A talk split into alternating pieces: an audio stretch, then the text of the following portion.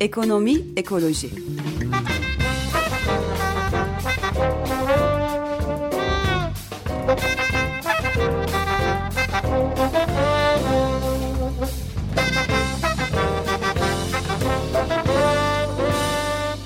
Hazırlayıp sunanlar Pelin Cengiz, Barış Gencer Baykan ve Mahir Ilgaz.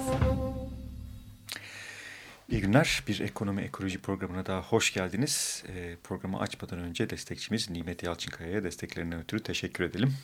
Ve programımızı açalım. Evet 94.9 Açık Radyo'dan Ekonomi Ekoloji programından herkese merhaba.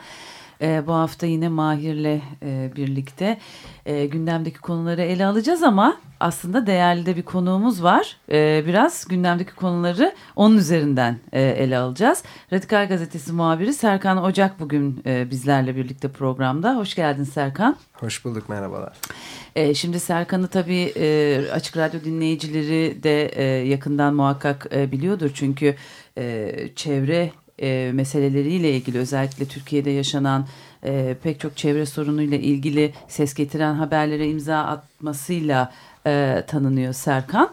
Ee, belki biraz e, bu ilgi alanı nasıl oluştu? Yani Türkiye'de aslında çok fazla çevre gazetecisi yok. Yani bu meseleye ilgi duyan e, gazeteciler artmaya başladı ama e, bu konular üzerine e, haber yapan, araştırma yapan, gidip sahada çalışan e, gazeteci sayısı aslında çok fazla yok. Yani dileyelim ki e, sayıları artsın.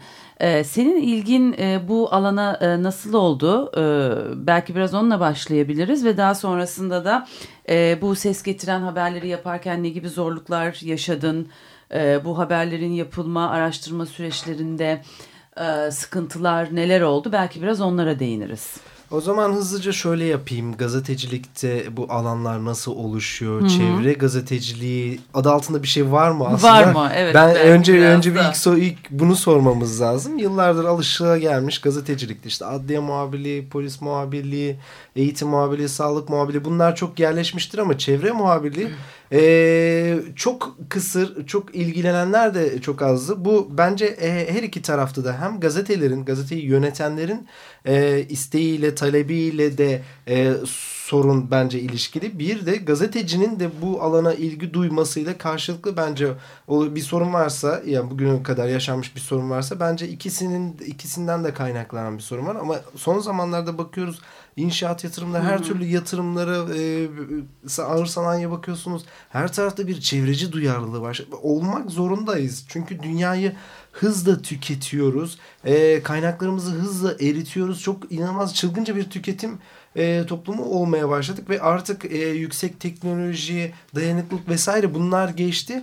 E, hakikaten e, doğaya dönmeye başladık. Bence bundan bir sonraki adımda çok daha fazla doğaya döneceğiz. Doğaya dönük ürünler, işte organik dediğimiz ürünler falan çok daha fazla olacak. Gazetecilikte e, çevre muhabirliği benim e, kendim zaten e, bir Karadeniz çocuğuyum. Buradan bir sevgim buradan geliyor. Elbette ki çok istiyordum ama e, çalıştığım gazetenin de tabii ki çok büyük etkisi var. Sonuçta evet. benim yaptığım haberleri e, gazetem böyle kullanmasa Sana radikal, bu fırsatı verdiler. Bu fırsatı vermeseydi ben de ilgi alanımı değiştirmek zorunda, zorunda kalabilirdim. Yani birçok arkadaşım var. Bizim e, biliyorsun çevre muhabirleri Hı -hı. grubumuz var. Bu grubumuza üye gazeteci arkadaşlarımız var ama bulunduğu gazetelerde çevre haberleri yapamıyorlar. Yapamıyor. Yayın politikalarından dolayı. Dolayısıyla e, bulunduğun çalıştığın kurumla da e, çok ilişkili bir durum açıkçası. Evet aslında. Bir şey sorabilir miyim? Hani bu, bu konuyu devam ettirmek e, açısından. Hı hı. E, gazetelerde peki çevre muhabiri diye bir algı var mı? Hani çevre muhabiri diye bir ayrı bölüm veya öyle bir kategori e, öyle değerlendirilen Bence bence hala yok. Oluşmaya başladı Hı. ama çok ufak ufak yani genel yaygın basına bak, baktığımız zaman e, çok fazla böyle çevre muhabiri arıyoruz diye bir şey yok. Yani polis muhabiri aranıyor ama e, maalesef e, hala oluşma, oluşmadı. Evet. E, tabii aslında bu bu tip haberlerin e, yapılma süreci de ister istemez e, demin senin de bahsettiğin gibi e, patronların e, diğer e, iş alanlarıyla kesiştiği için tabii ki bu çevre haberlerine yer verme vermeme noktasındaki sıkıntı orada başlıyor. Yani çünkü niye bir patronun aslında altın madeni var. E, bir tanesi başka bir yerde e, büyük bir konut projesi yapıyor veya başka türlü bir altyapı projesi yapıyor inşaat kendi inşaat şirketi kanalıyla. Dolayısıyla orada doğaya zarar veren başka bir e, bir süreç yaşanıyor. Belki bir ağaç katliamı oluyor. Dolayısıyla çevreye bu kadar hassasiyet e, gösteren e, ve bunu sistematik olarak haberleştiren e, gazetecilere çok fazla yer vermek gibi bir e, inisiyatif alınmıyor gazetelerde. Bu medyanın yani yıllardır e, maalesef içinde bulunduğu bir sorun yani bağımsız olamamanın getirdiği, getirdiği bir, bir sorun. sorun. Yani bu bu sorun apayrı bir başlık. Yani belki de en büyük ama, en büyük sorun. Ama en, gelip en ciddi dön, dönüp dolaşıp e, şey o kesiştiği yer aslında çevre gazeteciliği oldu. Bu Yıllardır noktada, şu yapılıyordu mi? özellikle Türkiye'deki medyada. E, çevre haberleriyle ilgili gazeteye yeni başlamış muhabirler. Gazete, Hı -hı. Stajyer muhabirler. Belki işte çeviri işte haberler sen, gibi. Sen şuna bak bir ağaç kesiyorlar bir bak ha. bakalım ne olmuş orada. Ve dediğin gibi çeviri haberler yurt dışında bir şeyler oluyor falan. Farkındalık e, çok geç uyandı. Yani Avrupa ile kıyasladığımız zaman hala çok çok gerilerdeyiz. Hı -hı. Yani oralarda e, Guardian'da e, Ömer Madra çok iyi biliyor. E, ekonomi şey e, çevre... Çeviri editörlüğü var. Ve çok uzmanlaşmış gazete, e, gazeteciler. Çevre muhabirleri var yani inanılmaz bir alan yani burada bırakın mevcut alanlar bile daralıyor gazetelerin daralma politikalarından. Evet. Yani o oradaki çok uzak gibi. Yıllardır hep şey görüldü. Çevre haberleri, çiçek böcek, kırbayır Öyle. muhabiri falan bizim radikaldeki eski e, kulakları çınlasın. İbrahim Günen yıllardır kırbayır, kırbayır muhabiri falan demişler. Hep böyle bir e, şey yapmışlar, kinaye yapmışlar ama e, tabii giderek önemi artıyor ve e, bunu gazetecilerin de sahiplenmesi, hı hı. bunu ısrarla yayın politikalarını ne karşı direnme, diren gazeteci var, diren çevre gazetecisi, gazetecisi e, yani direnmemiz lazım hakikaten çünkü yani buna döneceğiz. Her şey evet. şey buna dönecek. Ekonomi dönecek, yatırımlar, sanayi, Dönüyor her zaten. şey dön dönmeye evet. başladı. Piyasalar buna mecburuz yani denizimizi korumaya, ormanımızı korumaya, hayvanımızı korumaya. Yani bugün İstanbul'un en büyük meselesi bir tane kuzeydeki ormanlarımız kaldı. Maalesef e, göz göre göre yapılan mega projelerle, dev projelerle bu son İstanbul'un rahat e, nefes alabildiği alanlarda maalesef yok ediliyor. Bunun gibi yüzlerce sorundan bahsedebiliriz Türkiye'de. Evet. Ee, aslında bir de daha önce e, çevre gazeteciliği adı altında değil tabii e, aslında bir yerde bir doğa katliamı olmuş bitmiş. Bu e, hukuki bir e, platforma taşınmış mesele. İşte e, belki işte dava açılmış falan. Aslında onun background'u bilinmiyor veya yeterince araştırılmamış, yeterince üzerinde durulmamış ama iş e, mahkemelik olduğu andan sonra gazetecinin ilgisini çekmeye başlıyor ve hukuki süreci takip etmeye başlıyordu. Biraz da aslında çevreyle ilgili meselelere yaklaşım öyle oluyordu. Evet kesinlikle katılıyorum sana. İşte burada burada da uzmanlık çok e, ön plana çıkıyor. Hep bir çiçek böcek muhabiri hmm. deniliyor ama önüne e, bugüne kadar benim en çok yaptığım haberler bugün bir çevre zaferi adı altında bahsettiğimiz her şey aslında bir mahkeme kararına dayanmaktadır. Bu mahkeme kararı da e, hakikaten bir uzmanlık gerektirir. O mahkeme kararı işte idare mahkemesi ne demiş, ne yazmış, Hı -hı. hakim nedir, e, oy çokluğu, oy birliği nedir, şerh nedir, e, bilirkişi raporları var. O raporlarda nelere dikkat edilmiş vesaire. Bu mahkeme kararının analiz edilmesi ben sonuçta e, yıllardır Ergenekon balyoz haberlerini de takip ettim. Oradaki iddianamelerdeki yazılan çizilenler neyse, mahkemenin verdiği kararlar neyse aslında çevre meselelerinde de benzer. Ötekisi e, çok büyük konularmış gibi Hı-hı. geliyor ama şekil itibariyle bakıldığı zaman aslında aynı şeyler, aynı kavramlardan, aynı mahkemeler, aynı hakimlerden bahsediyoruz. Ya dolayısıyla e, bir uzmanlık gerektiren kesinlikle bu alana yoğunlaşılması e, gereken bir konu. E, çevre mevzuatına hakim olan avukatlar kadar olmasa bile e, asgari düzeyde çevre mevzuatlarına hakim olmak, mahkemelerin verdiği bu kararları bilmek, iddianameleri takip etmek ve meseleleri fikri takip dediğimiz bizim gazetecilikte bu fikri takip olayını sonuna kadar sürdürmek lazım. İşte bu bunlar ayırt edici özellikler. Hı hı. Hadi üç ağaç kesilmiş sen git bir bak demenin ötesinde ve buna ihtiyaç var. Bunun da böyle olduğunu göreceğiz. Yavaş yavaş da ben arttığına inanıyorum ama gelecekte e, bu alan çok daha net oturacak belki Guardian'da olduğu gibi bir çevre bir birimi kurulacak. E, Editörler olacak, muhabirler evet. olacak. Buna inanıyorum. Yani bu umutla yaşamamız lazım. Doğru. yine bununla bağlantılı e, bu konuda benim soracağım son soruyu söyleyeyim. Bir e, yani gazetelerde hani çevre muhabirliğinin eksikliği veya işte oluşmaya başlaması bir yana bir de e, Pelin'in az önce değindiği bu e, gazete sahiplerinin hı. işler yapma meselesi var. Peki bununla ilgili e, bir sansürleme oluyor mu? Yani çevre mu muhabirlerinin haberlerinin e, ya sen o işe girme şeklinde örneğin e, engellenmesi, sansürlenmesi gibi şeyler oluyor mu? Yani burada olmuyor demek hayatın olan akışına aykırı bir şey. Çünkü hmm. düşünün sizin bir e, gazeteniz var. Aynı zamanda bir maden ocağı işletiyorsunuz. Madencilik aleyhine yapılan herhangi bir protestoyu o maden ya da başka bir benzeri aynı sektörde iş kolunda çalışan başka bir maden için alınmış aleyhte bir mahkeme kararının haberini yapmak konusunda elbette bir takım e, şeylere maruz kalırsınız. Burada ben kendi gazetemden örnek vereyim. Ben 8 yıldır Radikal gazetesinde çalışıyorum. Bana bugüne kadar şu haberi yapma, bunu takip etme kesinlikle söylenmedi.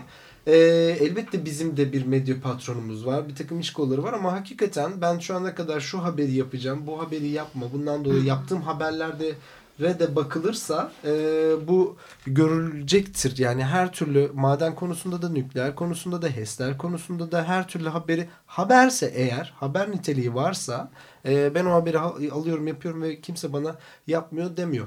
Ancak e, kendi gazetemin dışında Türkiye'deki yaygın e, basını ele aldığımızda biz de burada e, kendi aramızda örgütlenmeye gidiyoruz. İşte bu çevre muhabirleri grubumuz da aslında bu yüzden oluştu. Benim bugün Radikal gazetesinde gündeme verdiğim bir haber çevre muhabirlerinin kendi arasında paylaştığı bir haber. Yani burada dayanışma da var aslında gazeteciler arasında o önemli. anlamda. O çok iyi bir şey. Bu haberin kaynağı bir gazeteci. Ee, başka bir kurumda çalışıyor ama kendi gazetesinde o haberi yapamayacağı için bizimle paylaştı. Yani bu ben bunu hani gazeteciler bunu söylemek istemez ama ben bunu üzerine basa basa kendi gazeteci arkadaşlarıma söylüyorum. Yani bir dayanışma içerisinde olmamız gerekiyor. Çevre gazetecinin çok fazla gazetecinin e, şey klişesidir yani haber atlatma, haber atlama olayları çok önemlidir ama şu anda bence henüz e, bu alan oturmadığı için çok bir fazla bir rekabet ortamımız da yok açıkçası. Dolayısıyla birbirimize haber atlama, haber atlatma gibi derdimiz yok. Hatta tam tersine gündemde daha e, çok yer alabilmesi, daha ses getirebilmesi için belki eş zamanlı olarak aynı anda birkaç gazetede birden e, yer alabilmesi e, o haberin yani o sorunlu alanın e, yani bu tür bir dayanışma aslında var gazeteciler arasında e, baktığımız zaman çevre gazeteciliğinde. Yarın mi? bazı gazetelerde Artvin'le ilgili bir haber, bazı gazetecilerde hmm. belki de radikalde de bir aksilik olmazsa okuyacak e, okuyucular e, görecekler ki yani buradaki amaç e, çok güzel bir mahkeme kararı çok güzel üniversitelerden bilir kişi e, gitmiş incelemelerde bulunmuş. Hakikaten bir ders niteliğinde yani nasıl Hı -hı. doğa tahrip edilmemesi konusunda ders niteliğinde bir e, 24 sayfalık rapor var. Şimdi bu kadarını söyleyeyim. E, yarın bu, yarın anlaşılacak takip zaten. edeceğiz. e, hakikaten çok güzel. Bunun e, herkes tarafından bilinmesi lazım. Bunun bir tek radikalde bende olsun gibi bir kaygım yok. Elbette yani mesleğimiz gereği böyle bir kaygımız var ama bazı durumlarda bunu es geçebiliyoruz. Temel şey burada e, yani burada insanı e, gazeteciyi e, temel olarak harekete geçiren duygu aslında kamuyu bilgilendirme. Kesinlikle yani hepimiz özellikle çevre meselelerinde de böyle bir sorumluluk taşıyor gazeteci. Doğa hakkı için uğraşıyoruz. Doğanın tahrip edilmemesi evet. için uğraşıyoruz. Bence mesleki hırsların biraz daha üstünde bu. Yani ben onun da bilincinde zaten bu alanda çalışan gazeteciler. Kesinlikle. O yüzden hep yani burada da örgütlenme modeline gittik ve bu alanda e, bu da bu örgütlenmenin verdiği bir kazanım olduğunu düşünüyorum. Bunu oturtana kadar Türkiye'deki medyada bunu oturtana kadar bence e, devam edeceğiz. Eğer tam oturduğunu hissettiğimiz anda da o zaman farklı şekillerde dayanışma modellerine gideceğiz ama e, hakikaten bunu güç birliği yapılması gerekiyor. Her alanda güç birliği. Sahadaki köylülerin nasıl orada mücadele ediyorsa onların e, kamuoyunu o şekilde bilgilendirmek, harekete geçirmek gibi bir rolü var. Bizim onların yaptıklarını yazmak, orada neler olduğunu aktarmak gibi bir rolümüz var. Herkes bu rollerini iyi oynamalı, örgütlenmesi gerekiyorsa örgütlenmeli. Çevre gazeteciliğinde bizim örgütlenmemiz gerekiyor ve şu anda buna başladık, e, devam ettireceğiz. Hı hı, evet. E, isterseniz bir ara verelim. Aradan sonra belki senin e, bu çok ses getiren e, birkaç haberinin e, serüvenini konuşabiliriz. Şimdi bir ara veriyoruz.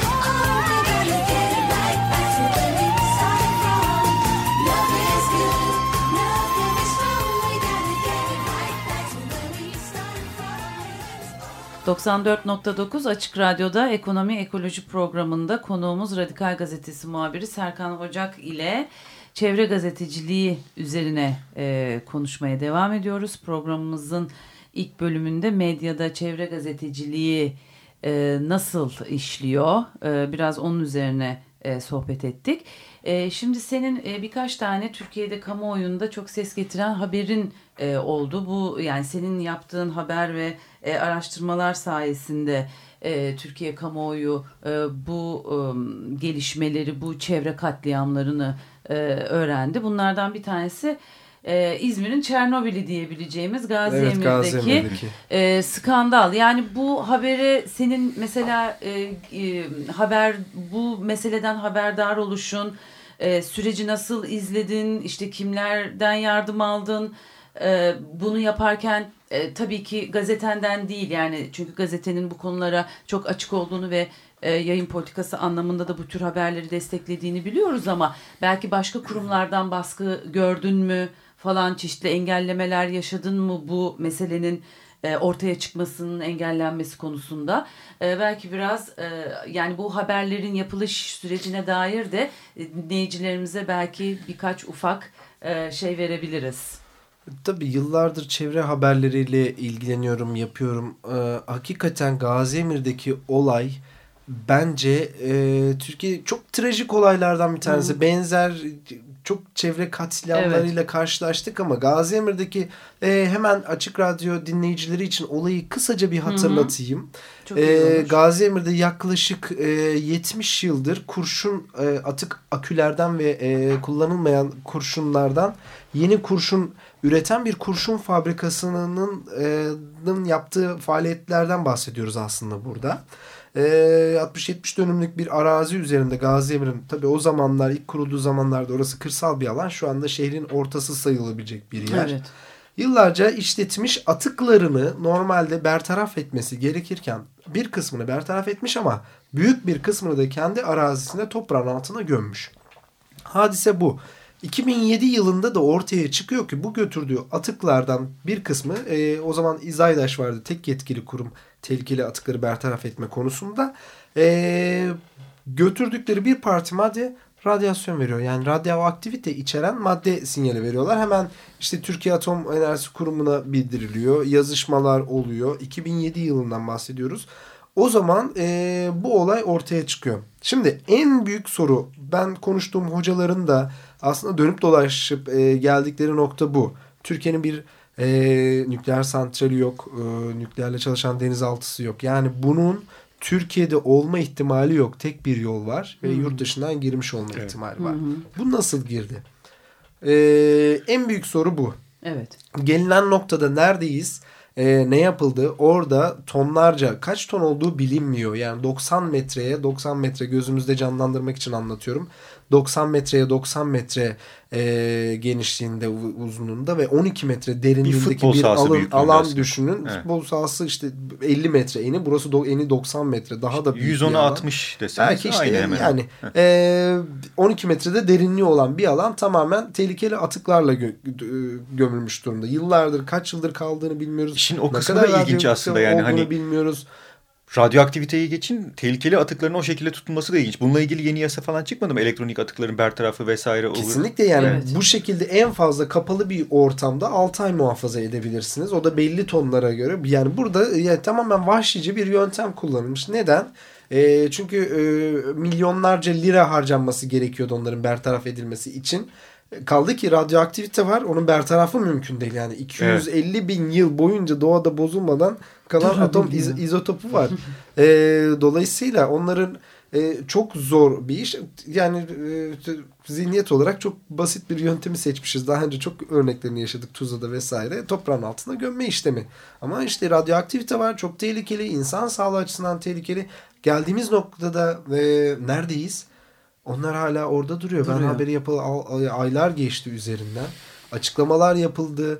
E, birkaç öncesinde şu söylendi. E, sen de takip etmiştin evet. Pelin. Tarihin cezası kesildi. Kesinlikle. Türkiye Cumhuriyeti tarihindeki en büyük ceza kesildi. Kesildi de ne oldu? Ne oldu? Hala Sonuç onlar ne? orada duruyor. Bir ay sonra işte yapmazlarsa ikinci bir ceza keseceğiz.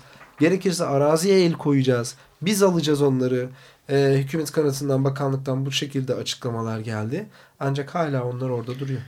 Peki biliyor mu hani işletme radyoaktif atığı nasıl bertaraf edeceğini biliyor mu? Ya aslında çok belli yöntemler de belli ama ucunda işte 250 milyon TL 250 bin e, 250 e, trilyon eski parayla bu kadarları bulacağı tahmin edilen bir bertaraf bedellerinden bahsediliyor. Arazinin değerinden de daha fazla. En büyük sorunlardan bir tanesi bu. En büyük sorunlarından e, ikincisi radyoaktiviteler oradan nasıl temizlenecek, nasıl ayrıştırılıp alınacak. Yani çok büyük bir sorun var ama sorunun büyük olması demek ki bırak orada kalsın anlamına da gelmiyor. Onların mutlaka tespitinin yapılması, oranın ya o alanın rehabilite edilmesi, temizlenmesi gerekiyor. Çünkü etrafında hemen dibinde 5-10 metre yakınlarında o arazinin insanlar yaşıyor. Dibinde bir iki öğretim okulu var. Öğrenciler o arazinin üzerinden gelip geçiyordu. Şu anda tek yaptıkları şey ben haberi yaptıktan sonra oranın etrafına gidip çitlerle kapladılar. ya işin gazetecilik kısmını biraz hani aşıp e, evet. normatif yargılara da giresi geliyor insanın ama hani evet. e, iki tane mesele geliyor insanın aklına. Bir, bütün dünyada özellikle işte e, 11 Eylül sonrası çok gündemden güvenlik meselesi işte bu radyoaktif atıkların işte kirli bomba falan yapımında kullanılması evet. meselesi vardı. Orada açıkta duruyor bir kere onu biliyoruz. Evet. Bir ikincisi Akkuyu'ya nükleer santral yapmayı başlamış bir ülke var hani onu da. E... Ve orada da e, inanılmaz bir sahtekarlık dönüyor. E, sürekli e, il e, idaresinden e, parça parça taş ocağı izni alarak e, orada yapılan Akkuyu'daki nükleer Hayır, santral nükleer inşaatının hadi, yapıldı diyelim. e, kaçırmak için sürekli yeni taş ocağı lisanslarıyla orada şu anda devam eden e, bir inşaat var. E, etrafı duvarlarla örülmüş. İçeride ne yapıldığı belli değil. Yani burada yanı başımızda nükleer santral daha olmayan bir ülkede böyle inanılmaz bir radyasyon skandalı e, yaşandı. Ama e, zihniyetimiz hala daha değişmiş değil. Mersin Akkuyu'da yapılması planlanan nükleer santralle yani konuya girersek saatlerce çıkamayız Evet. ama sadece şunu söylemek istiyorum yani bu çok önemli. Ee, orayla ilgili bir chat raporu var. Nükleerle ilgili en önemli nükleer santrallerle ilgili en önemli şey atıkları ne yapacaksın? Evet. Çünkü atıklar e, yeryüzünde yok olmuyor. Bunları bertaraf etmek için Avrupa'da yıllarca uğraşıyorlar. Almanya'da, Almanya'da birlikte gittik. özellikle. 36 yıl boyunca yerin altında çalışıyorlar.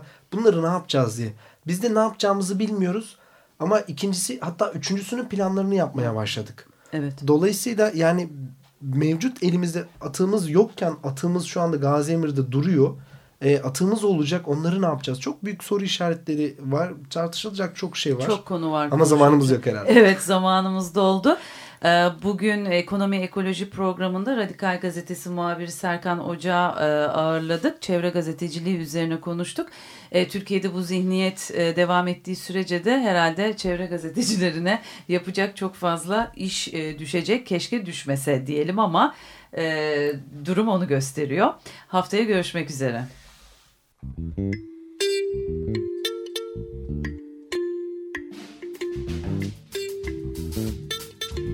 Ekonomi, ekoloji.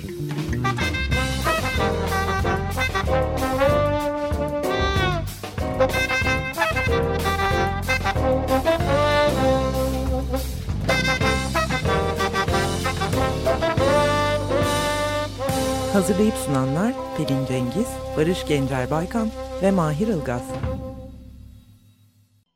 Açık Radyo program destekçisi olun.